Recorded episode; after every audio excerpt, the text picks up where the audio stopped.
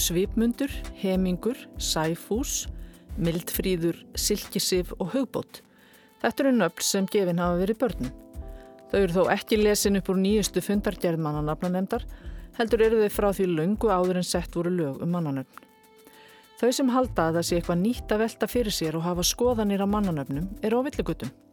Og þau sem halda að það sé aðeins á síðustu áratugum sem fólk hefur kefst við að vera sem frumlegast í nafngiftum, vaða í villu og svíma.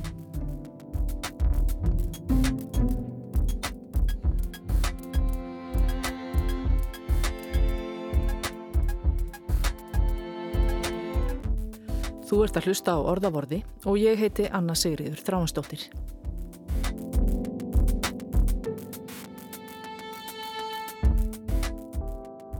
Hverfum tæplega hálfa aðra öld aftur í tíman.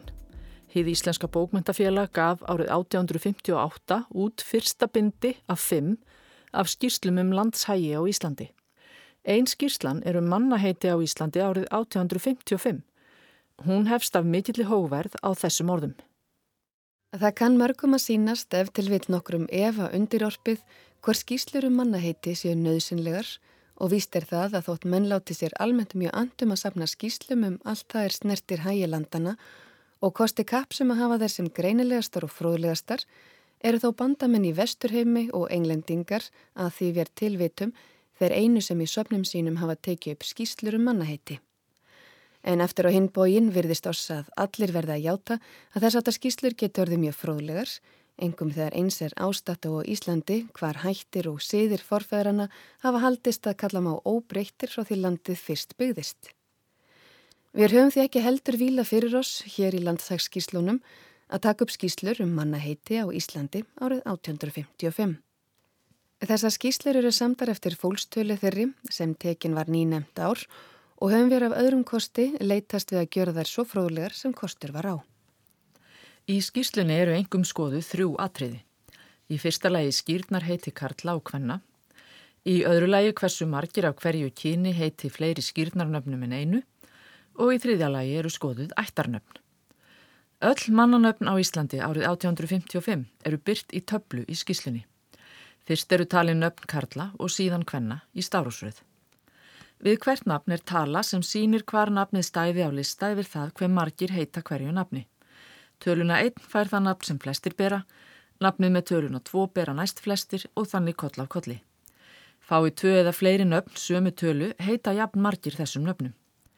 Þá kemur fram hver margir heita hverju nafni í hverju síslu og fleira. Karlmannsnöfn voru 530 og hvern nöfn 529. Að meðaltali bera 57,7 karlmenn hvert karlmannsheiti og 63 konur hvert hvernheiti. All mörgunöfn koma aðeins fyrir í einni síslu og eru öll talin upp í skíslunni. Mörg eru sérkennileg og ekki ólíklegt að aðeins einn hafi borið þau og svo ekki meir. En ímis þessara nafna hafa fengið nokkra útbreyslu. Nafnið Eithor til dæmis bera núna er 500 manns en árið 1855 bar það aðeins einn maður í Snæfellsnesíslu en fleiri heita Þórir sem aðeins var til í Ísafjörðarsíslu fyrir 160 árum. Nafnið Eva var aðeins til í Vestmanægasíslu en núna beraða um 1350 konur og nafnið Inga var bara notað í Skagafjörðarsíslu. 1700 konur bera það núna og þær búa auðvitað ekki allar í Skagafjörði. Lítum aðeins á sérkennilegu og einstökunöfnin. Árið 1855 hétt aðeins einn maður á landinu Baldur og hafði nafni þá ekki verið notað síðan á söguöld. Sannarlega einstakt nafn á sínum tíma þótt að sé orðið talsvert algengt núna. Það sama má segja um nafnið Sara sem var mjög vinsælt undir lok 20. aldar. Það nafn bar aðeins ein kona árið 1855. Tveir menn héttu þá Ingólfur, ein kona Eva, tveir menn Axel og fjórar konur Eidís. Þau voru meðal sjálfgæfra og sérkennilegra nafna þessa tíma. Heldur fleiri nöfn eru alveg einstök. Bernius, Semingur og Kaffónas hafa til dæmis ekki hlotið brautargengi og ekki heldur Bárðlína, Drísjana og Engilmarja. Það er gaman að skoða þennan lista og enn skemmtilegra er að rekast þar á sjálfgefnöfn sem enn lifa. Sum þeirra hafa þá mögulega gengið mann fram að manni innan sömu ættar. Þau eru yfirleitt aðeins borin af einum eða fáeinum nafnberum. Dæmi um slík nöfn eru Jónadab, Mensalder og Rósi og Emelína, Engilrós og Feldís. Hlustendur muna kannski eftir því að mannanafna nefnd hafnaði eiginnafninu Anna-Maria, rítuði í einu orði árið 2002. Sá úrskurður var raukstutur með því að nafni taldist ekki myndað í samræmi við almennar nafnmyndunarreglur Íslensk máls og breytti því í báa við Íslenskt málkerfi. Þá hefði nafnið ekki unnið sér hefði í Íslensku máli. Áður en hlustendur fá útrás fyrir reyði sína yfir þessu óriðtlæti skal mynd á að það er tólkun nefndarinnar á mannanafnalögum sem ræður niðurstöðinni en ekki personulegur smekkur nefndarmanna. Árið 1855, þegar mannanafnanemnd var ekki til að dreifa, voru þó nokkur nöfn, bæði Kvenna og Karla, mynduð með sama hætti og Anna-Maria. Má þar nefna nöfnin Geir Hjörtur, Karl Emil, Árni Björn, Elsa Björg og Helganna. Sum þessara nafna kunna þó að vera mynduð úr forlið og nafni eða nafni og viðlið. Allmörg gullfalli nöfni eru á þessum lista sem engin núlefandi Íslendingur ber og má til dæmis benda fóreldrum í leitað einstöku nafni á nöfn eins og sveinungi, huglaður eða sumarsveitn, nú eða listalín, silkisif eða gjaflaug, svo fáins ég nefnd.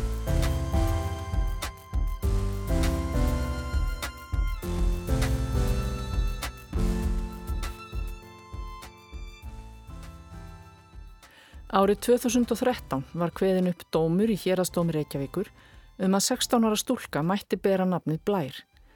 Hún hafi fram að því verið skráð stúlka í þjóðskrá sem sagt á naps. Óskum hennar og móður hennar um að hann fengi að heita Blær hafi þá ítrekkað verið hafnað. Þar með varð Blær fyrsta nafnið sem var bæði skráð sem kvenn og karlnafn í þjóðskrá og var beiging þess mismunandi eftir kynjum. Síðan þetta gerðist hafa verið sett lög um kynrænt sjálfræði sem feldu úr gildi ákvæði mannanafnalaga um að stúlku skuli gefið kvenkinsnafn og dreng karlkinsnafn. Í manntalinu 1855 voru aftur á móti einn tvö nöfn hinn minsta sem bæði karlar og konur höfðu búrið.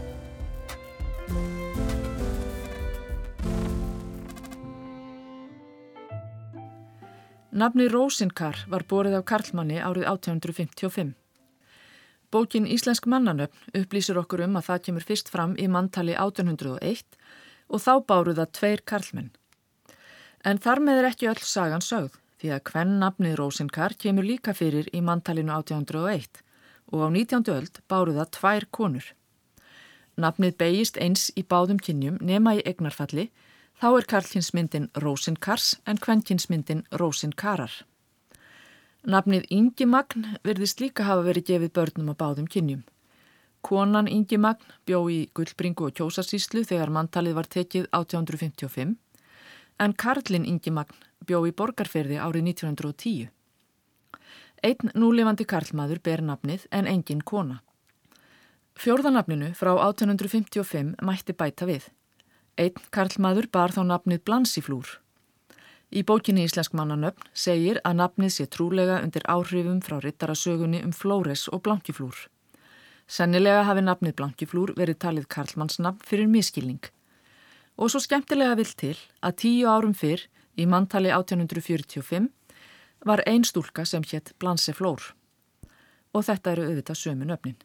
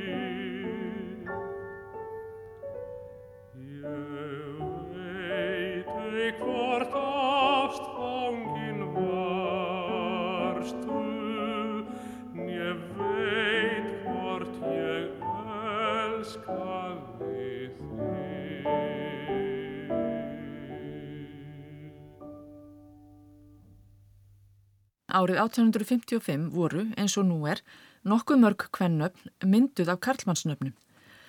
Aug slíkra nafna sem við þekkjum sem nú lifum má geta nafna eins og Benóníja, Fernandína, Sörína og Eyjólfína og þau eru fleiri.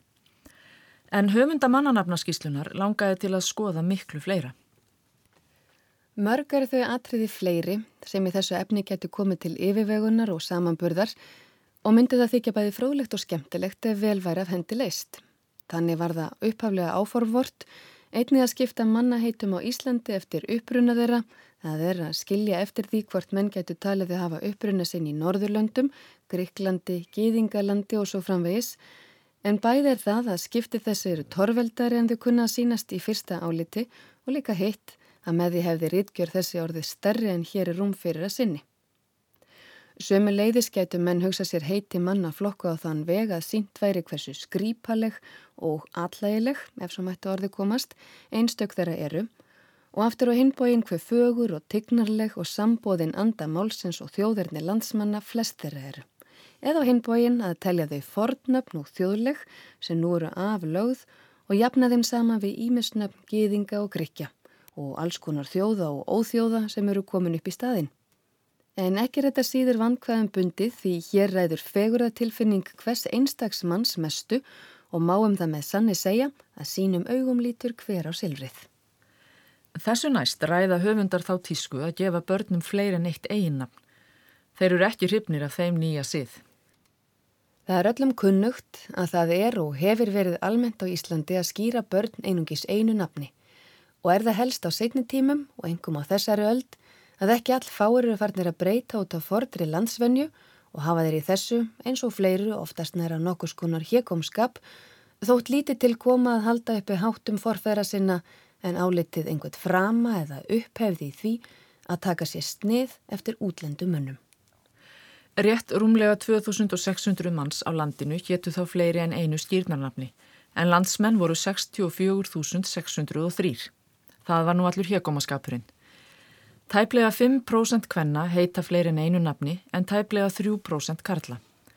Á norður og austurlandi heita nær tvöfalt fleiri meir en einu nafni en annar staðar á landinu. Og þetta þykir skýslu höfundum svo sem skiljanlegt. Það er nú að vísu eðlilegt þótt þetta eigi sér staði í verslunastöðum landsins því bæð er það að þar lifa útlendingar þeir sem búi í landinu og líka hitt að meiri vorkun er á þótt innlend almú á fólki verslunastöðunum láti leiðast til að taka sér snið eftir mönnum þeim sem þeir hafa mögvið og sem þeir í mörgu álítir sér fremri, þetta sýnir sig einnig í þeim síslum sem verslunastöður eru. Þannan útlenda sið virðast flestir hafa tekið upp í eigafjörðarsíslu. Þar bera rúmlega 9% íbúa fleir en eitt eiginamn. Aftur á móti hveður lang minnst að þessu í skaftafellsíslu þar sem aðeins 0,25% íbúa bera fleir en eitt eiginnafn. Ættarnöfnin eru þriði á síðasta viðfóngsefni skíslunar. Þar er bent á að það sé kunnura en frá þurfi að segja að frá eldstu tímum hafi það verið almennur síður á Íslandi að kenna bæði karla og konur við feður sína. Ættarnöfn hafi ekki týðkast að frátöldum einstöku stórættum. Það sé fyrst á setni tímum sem Íslendingar hafi farið að taka eftir útlendum að brúka þess áttar ættarnöfn. Engum hafi litið svo út um aldamótin 1800 sem þessi síður ætlaði að taka sér bólfestu í landinu Hann hafi verið orðin að fullkomnum ósið svo ramt hvað að honum. Hver maður sem var sildur horfið ekki í að afmynda móðumól sitt og gjöra sig að allægi með því að setja danska eða latínska endingu á föðurnafnið og nefna á hvort sen eða sonjus. Gæti hann ekki fundið eitthvert annað nafn sem væri frábröðu því vanalega og hefði útlendan keim en auk þessa fóru margir sem heimasátu og aldrei höfði stíi fæti út fyrir landsteinana að herma eftir þeiminum sildumunum í þessu. Og það fennu betur að svo lítur út sem þessi ósiður fari heldur nokkuð minkandi og að minnstakosti er það víst að all flestir Íslendingar sem nú á tímum sigla til útlanda láta sér enga niðurleðingu þykja að nefna sig nöfnum feðra sinna á móðumóli sínu. Að þessum reyðilestri loknum hefst stutt og hlutlausari umfjöllun um ættarnöfn. Þeim er skiptið þrjá flokka. Í fyrsta flokk fara þau sem eru innlend að uppruna. Í annan flokk þau sem uppaflega eru erlend en mega nú kallast vera orðin innlend. Og loks í þriðja flokk þau sem eru að öllu leiti útlend. Á þessum tíma voru 155 ættarnöfn í landinu, 63 fara í fyrsta flokk, 46 í annan flokk og 47 í þann þriðja. Þarna eru mörg kunnulega ættarnöfn svo sem Blöndal og Gröndal, Brím, Finnsen, Fjellsteð, Melsteð, Reykdal, Sandholt og Skeving svo fáinn séu nefnd. Önnur eru framhandlegri svo sem Billenberg, Fríðenlund eða Popp.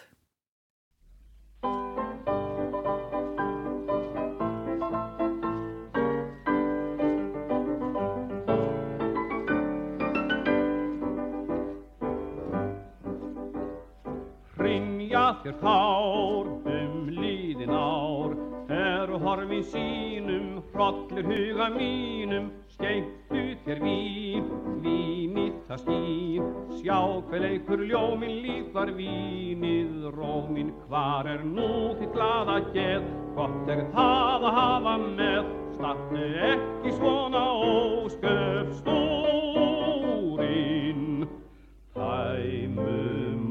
okkar góða glas, grein skal nú að harma mas, skál fyrir fornum ástum. Munum okkar æfi stíg, oft er gott að hýrka sig. Slíkt förum mei að fástum, drekkum nú hitt dýra vín, drekkum sjá hver bjarminn skín, af okkar hinstu ástum.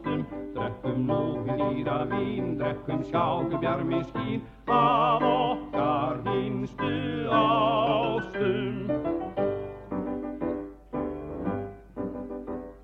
Þökkæri vín, vín síns við skín, Olgar enn í geði, ung og fögur gleði. En þá er teik, hæmi þína veik, glóir gamalt vín, gott sem sólinn skín. Þú ert gladur góði vín, glæðist hér í hjarta skín, eins og þegar ungur var ég forðum. Okkar góða glas, grein skal nú að harma mas, skál fyrir fornum ástum. Munum okkar æfi stíg, oft er gott að hýrka sig. Slíkt förum mei að fástum, drekkum nú við dýra vín, drekkum sjá hver bjarminn skín, af okkar hinstu ástum. Drekkum við dýra vín, drekkum sjá hver bjarminn skín, af okkar hinstu ástum. Af okkar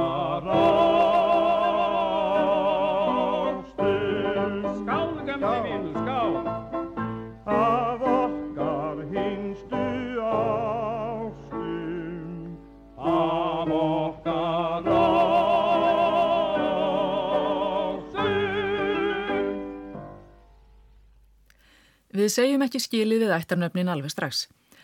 Í februar árið 1916 byrtist auglýsing í Ísafold sem var á þessa leið. Mannanafnabókin er komin út.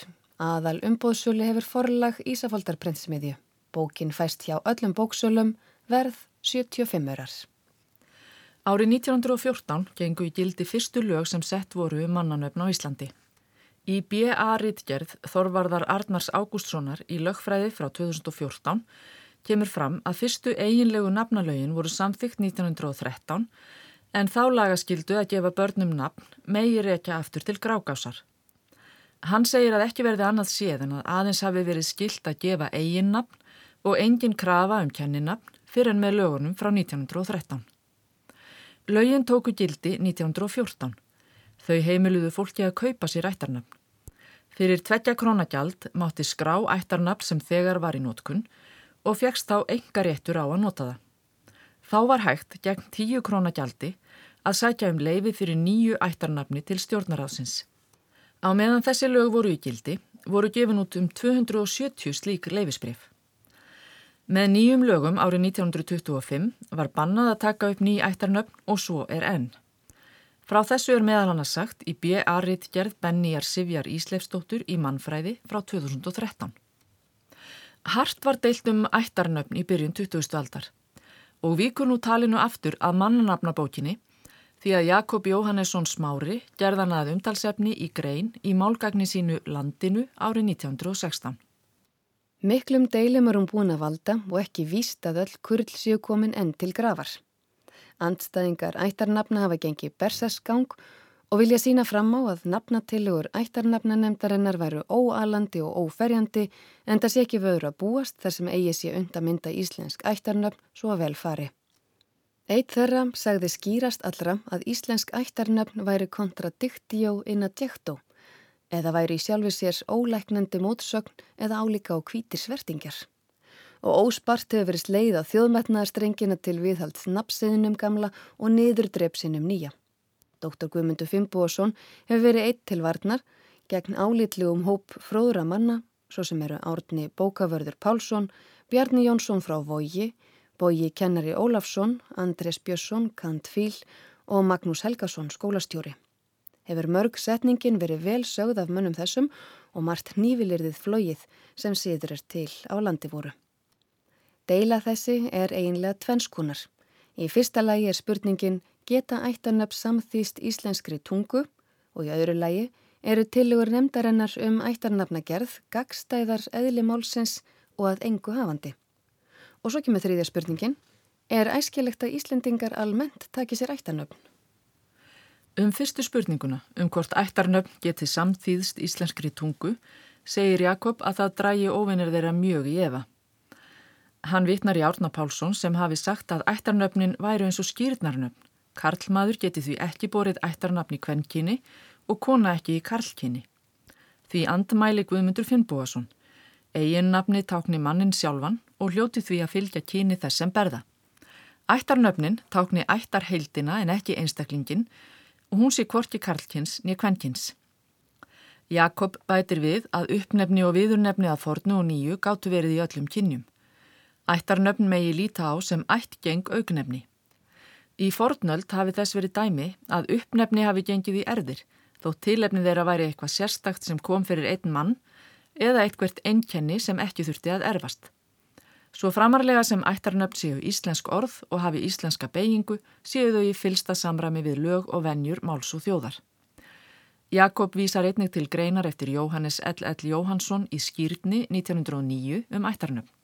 Jóhannes sé þeim frekar andvígur en hafi þó skýrt manna best hvernig ættarnöfn ættu að vera. Nefnir hann meðal annars ættarnafna séð aðalsins rúsneska sem hefur þrjúnöfn, eiginnafn, kenningu við föðurinn og ættarnafn, til dæmis Ljóf Nikolajevits Tolstói eða Leo Nikolásasson Tolstói. Ef fadir konu heitir Nikolás þá kallast hún Nikolajevna eða Nikolásar dóttir og hefur að auki ættarnafn. Þessi aðferð þykja væri happasælust fyrir oss. Forni napsuðurinn glatast ekki en ættarnafnin gera sitt gagn að aukjana ættirnar og greina samnemda menn. Mættu jafnveil ættarnafna fjendur við það auðna með því að í Rúslandi er algengt meðal kunningi að sleppa ættarnafnin í samtali en hafa einungis eiginnafnið stundum að viðbættu föðurnafni mannsins. Þann sið getum við og haft og enn er þetta í samræmi við viðnafnin. Þetta finnst Jakobi heitla ráð. Áfram væri hægt að halda þeim gamla sið að kenna sig til föður og að auki fengju ættir hver sitt nafn. Innanlands myndi það henda til að greina á milli þeirra sem bera sama nafn, svo sem allra Jónanna Jónssona eins og hann segir. Og það væri líka gaglegt í viðskiptum við útlendinga. Þá leytast Jakob við að svara þeirri spurningu hvort tillögur ættarnafna nefndarinnar séu gagstæðar eðli málsins. Hann telur sig hafa sínt fram á að ættarnöfn geti verið hvaða íslensk orð sem er, svo sem nöfn staða og hluta eða augnefni, en þau verði að vera rétt beigð. Hann gangrýnir nefndina fyrir þröngskilirði og spyr Hvers vegna mega ættarnöfnin ekki vera fleirkvæð? Og hví má til dæmis ekki hafa Aksarfjörður, Valþúfa og Sævarland fyrir ættarnöfn? Tvö þau síðari er að minnstakosti fögur og mjúki munni. Og hví má maðurinn ekki kallast Jón Tunga en verður að breyta því Tungón?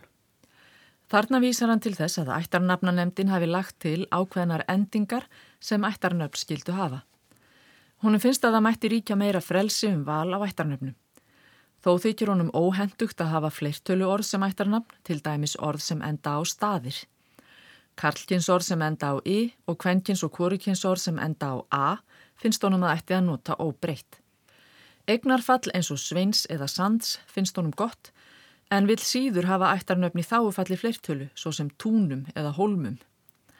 Ættarnöfn finnst honum að ættu að vera beigjanleg og honum finnst óviðkunnanlegt að ættarnöfn endi á són. Að öðru leiti er Jakob að mestu sáttur við tillögur nefndarinnar sem gangi ekki gegn eðli málsins.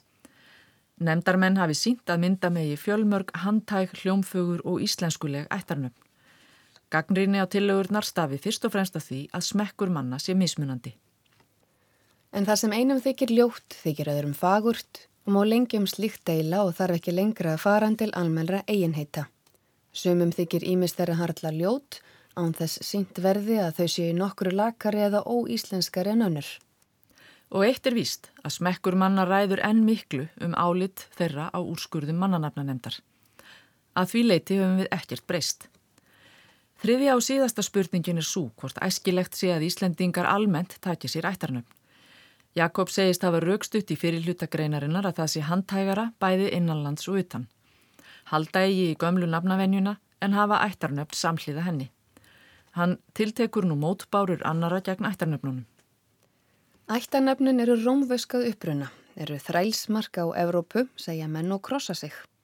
Það er eins og helsta. En þótt svo sé, þá er hún næsta lítilveg. Vita þessi menn ekki að gildi hlutana fer eigi eftir uppruna þeirra. Fögur blóm sprett upp af saurugum ábyrði og eru engu verið fyrir það. Ef hluturinn er góður og ávið þá er rétt að nota hann hvaðan sem hann kemur. Ættarnöpp hér eru upphaflega skrýpi, flestöll og tekinn til þess að apa eftir útlendingum, segja menn. Mikið til í því en eigi á það hamlós frá því að fá íslensk góð ættarnöfn ef þess gerist þörf og þess er þörf. Bæði af þeim ástæðum sem nefndar hafa verið sem og af því að ættarnöfnin koma samt en ef afskipta laust er látið að fróðum og hugsandi mönnum þá verður það alltaf skrýpi og ekki er það betra. Mér er sem ég heyra ættarnafna fjendur segja það á banna það með lögum. En höfum við nokkið fengið nógu mikið af þvinguna pólitíkinni af banni á þessu og banni á hinnu. Á ekki bara um að fara að banna mönnum að geta kjött, spila á spil, fara í bíjá, reykja, taki nefið, andmala landstjórninni í nokkrum eða hver veit hvað. Og er ekki komin tími til þess að gera sér meira farum að ræða málinn með rökum en bregða mönnum við hvert tækifæri um uppskapningshátt, þjóðurnir landráð og því um líkt, ef þeir hafa aðra skoðanir hann er að Jóni Jónssoni þóknast. Samkvæmur sjálfum sér notaði Jakob rúsnesku ættarnafnaregluna, kendi sig til föður síns og var Jóhannesson og tók auk þess upp ættarnafn í karlkinni með í endingu smári.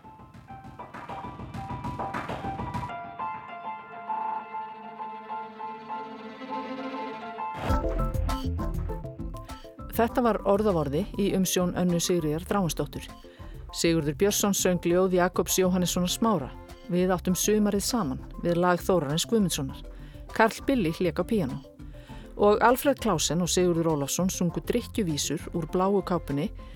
Jakob Jóhannesson Smári orti vísurnar. Lægið er eftir Kollo og Karl Billi hljeka á píjanoið. Lesari í þættinum var Sigrun Hermannsdóttir og tæknimenn voru Greta Rævarsson og Lítiða Gretastóttir.